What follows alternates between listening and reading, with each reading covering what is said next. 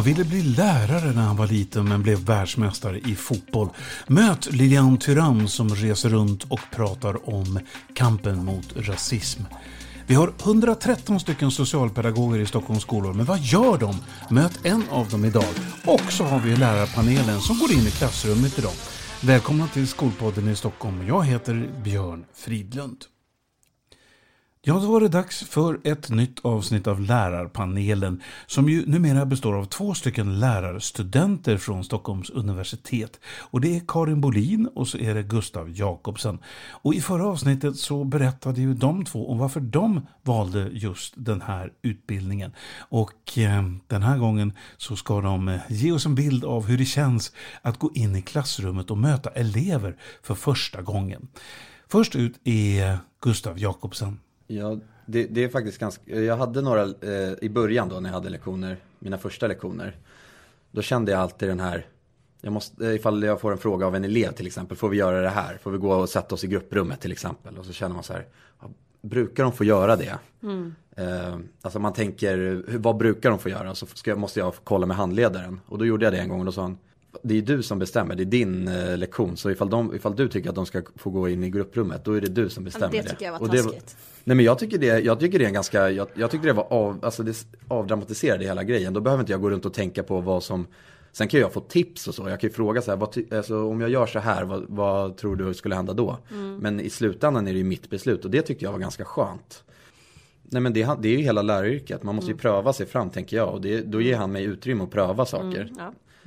Hur var det för dig, Karin, första gången när du stod i samma situation? I början gör man lite sådana små inhopp bara. Att man liksom tar över eller så här. Men jag kan skriva, för man vill prova skriva lite på tavlan. Det är ju skitsvårt för övrigt. Ja, jag, till slut så blev det en så här, jag måste, det, var, det blev ett av mina mål till slut efter något sånt här handledarsamtal. Att jag måste lära mig arbeta med tavlan. Alltså hur stort ska man skriva? Alltså hur prata samtidigt. Hur mycket ska jag skriva? Ska jag skriva allt som sägs eller lite grann? Eh, bara det.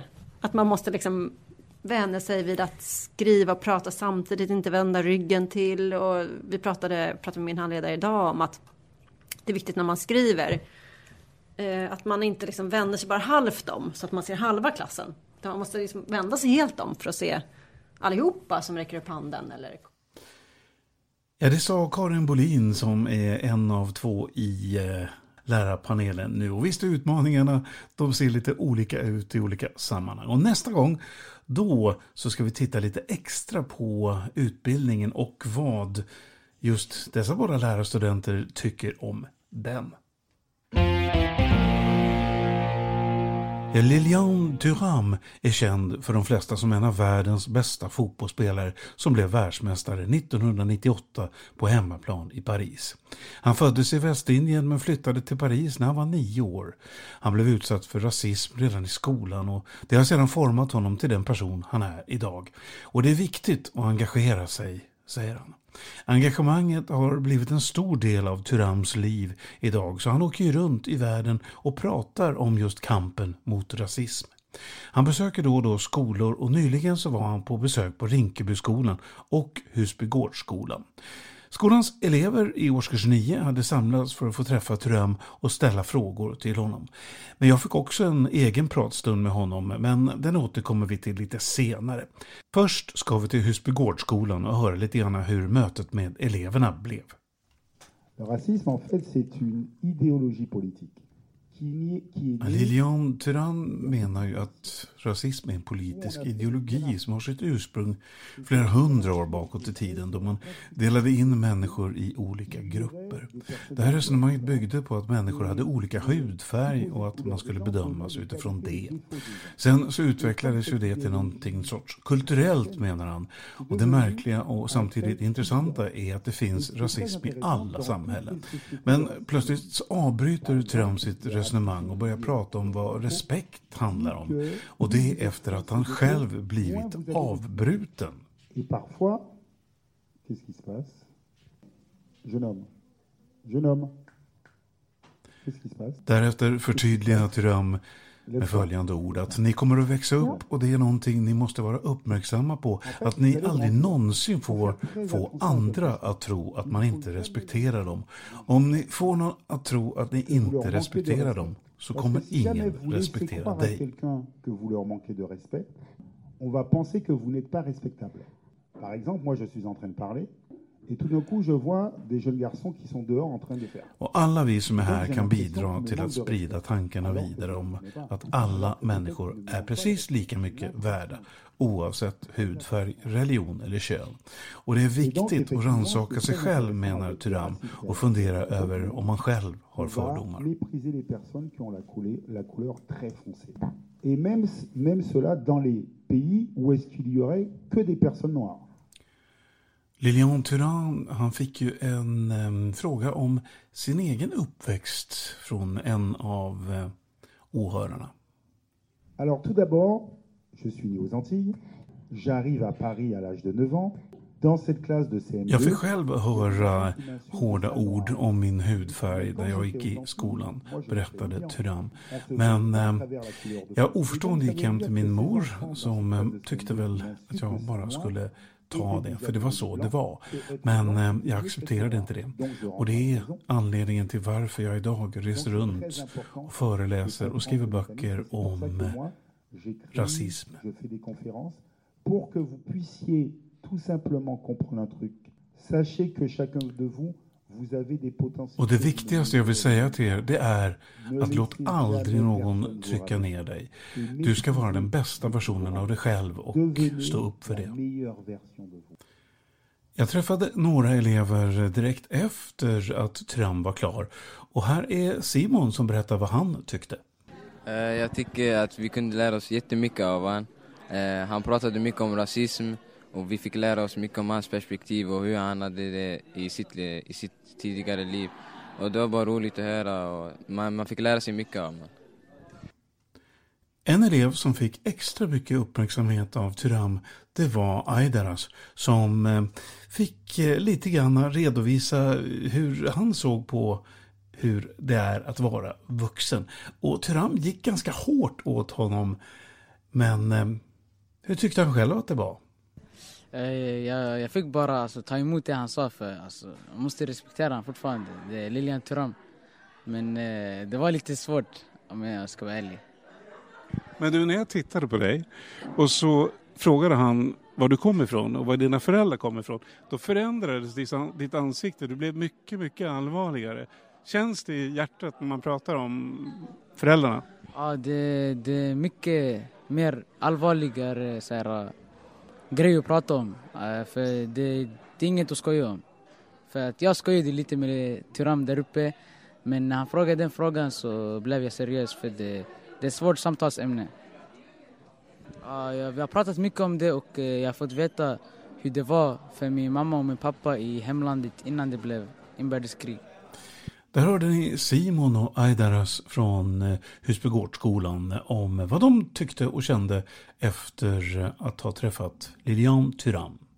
Elisabeth Österman, du är ju rektor för Husbygårdsskolan där Tyram höll sin... Ja, det var inte en föreläsning, det var mer en frågestund. Mm. Och eh, eh kan du kort bara berätta, vad var bakgrunden till varför det blev just på den här skolan och Rinkebyskolan? Mm.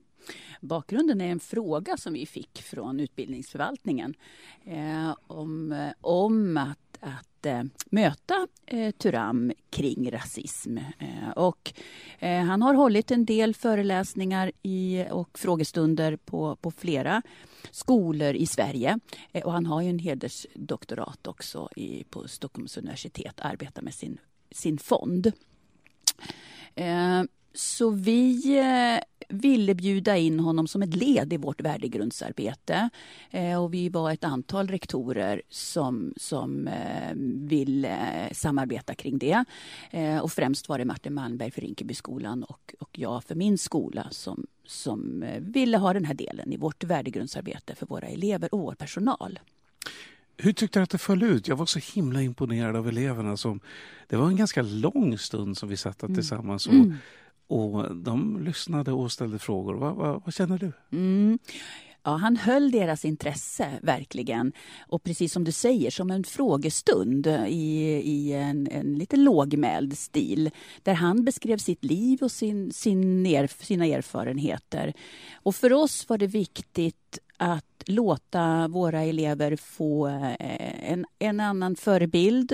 Eh, en förebild från ett annat land och med ett annat ursprung men med ändå liknande erfarenheter som vi tänker oss att våra elever har.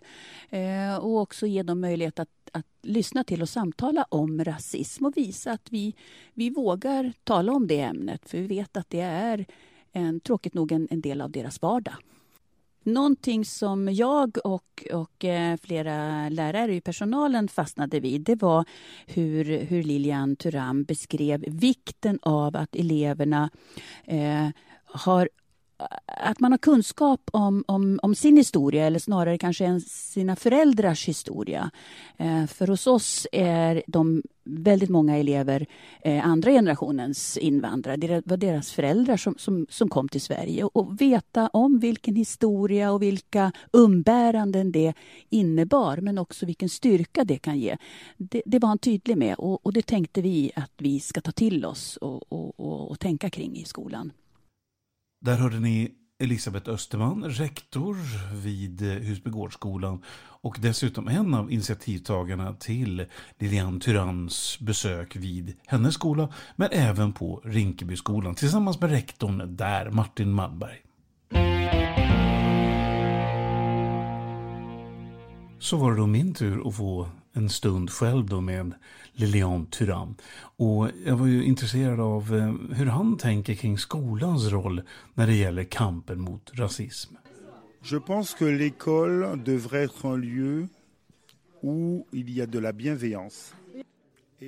Tyram säger att han tycker att det måste finnas mycket god vilja i skolan och att man lär barnen att de måste utveckla en god självkänsla. Och om man har en god självkänsla då inser man också att allt är möjligt. Det låter så enkelt, är det det? Sättet du berättar det på, det känns i hjärtat att det är rätt. Euh, Tyram lät nästan lite förnärmad när han sa Ingenting är enkelt. Det viktigaste är att man har viljan att göra det här. Att ha vilja att göra det här visar att det går att genomföra. Det är oerhört viktigt att veta vad man vill. Hur var du själv i skolan? Moi, j'ai grandi euh, en Guadeloupe, dans un petit village, et je voyais bien euh, jag växte upp i Guadalupe i en liten by och jag såg hur föräldrarna högaktade lärarna och när jag var liten så ville jag bli lärare för jag kände att de fick väldigt mycket respekt. Och det var de som hade kunskaperna och jag har alltid velat ha kunskaper och behärska kunskaper. Et donc moi j'ai toujours eu envie de maîtriser les savoirs. Thank you. Tack.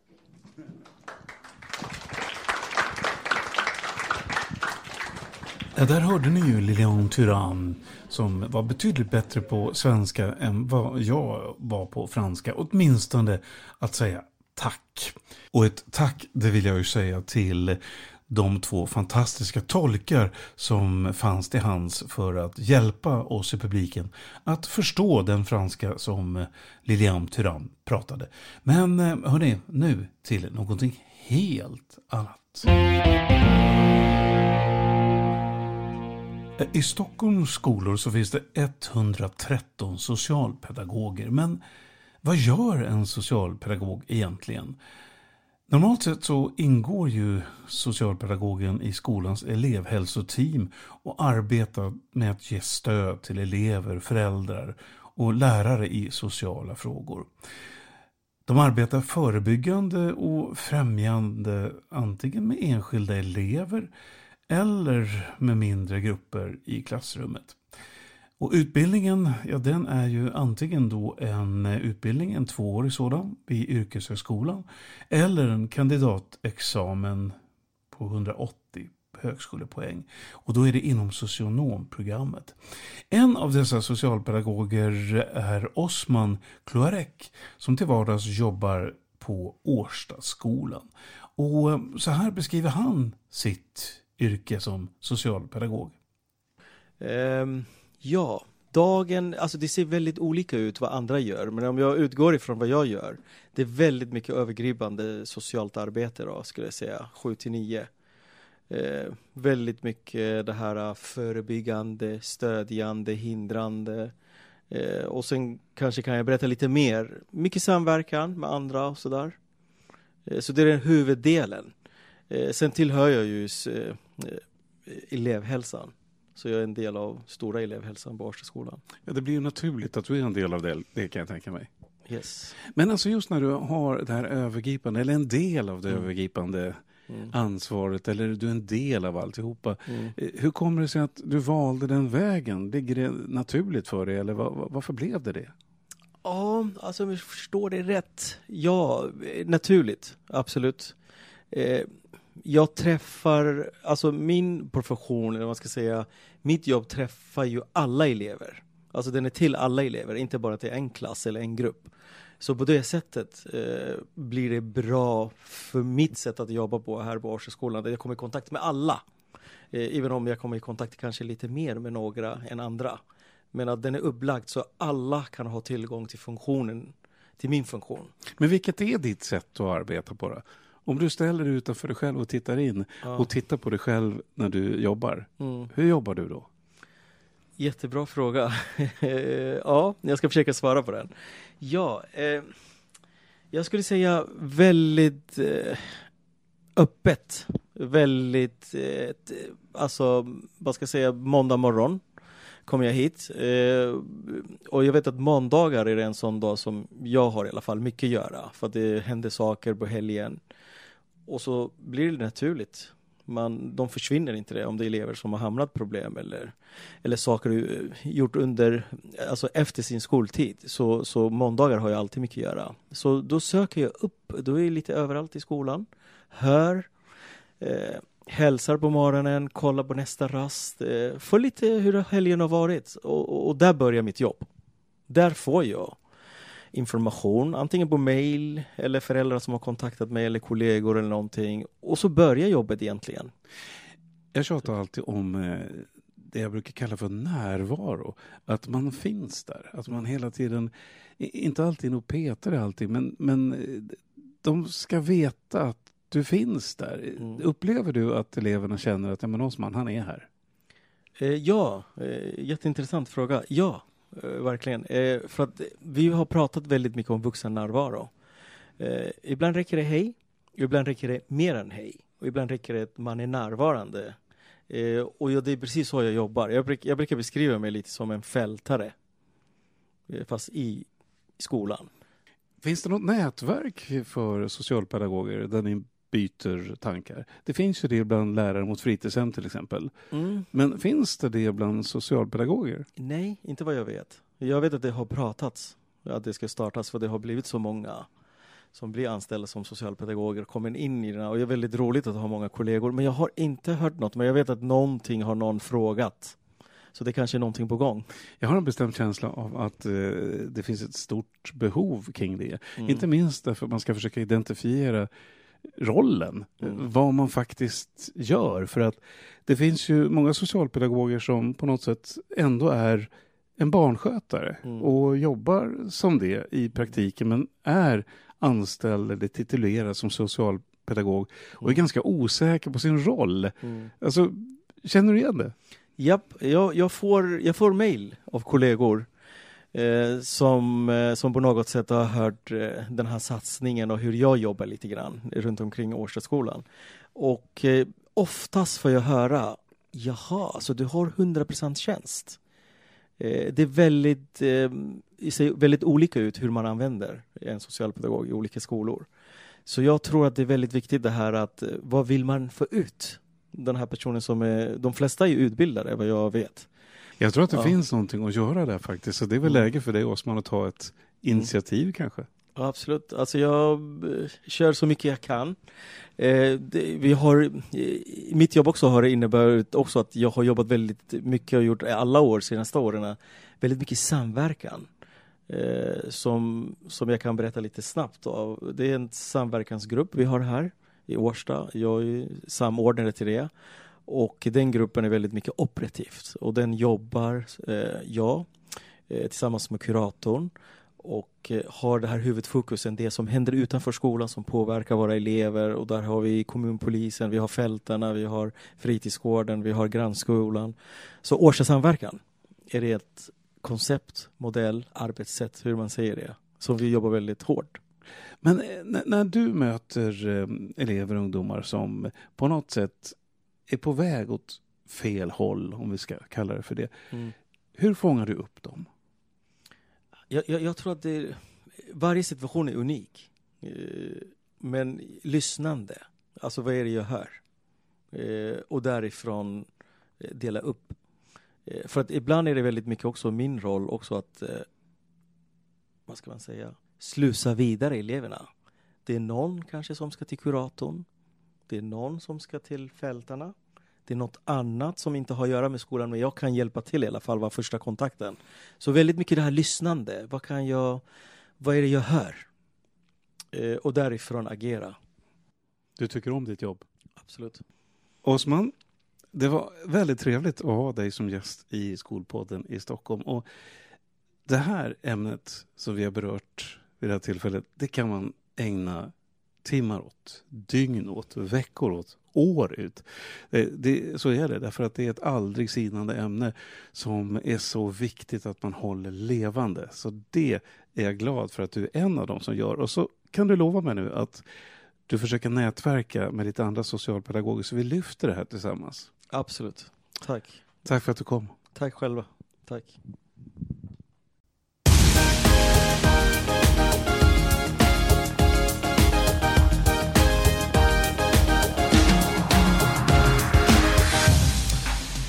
Lilian Tyrann, den forne världsmästaren i fotboll som numera för en kamp mot rasism. Honom har ni mött idag i Skolpodden i Stockholm. Och lärarpanelen som faktiskt har klivit in i klassrummet med allt vad det innebär. Och så har ju Osman Klarek, en av Stockholms 113 socialpedagoger, lovat att börja nätverka. Vi hörs snart igen. Jag heter Björn Fridlund. Hej då!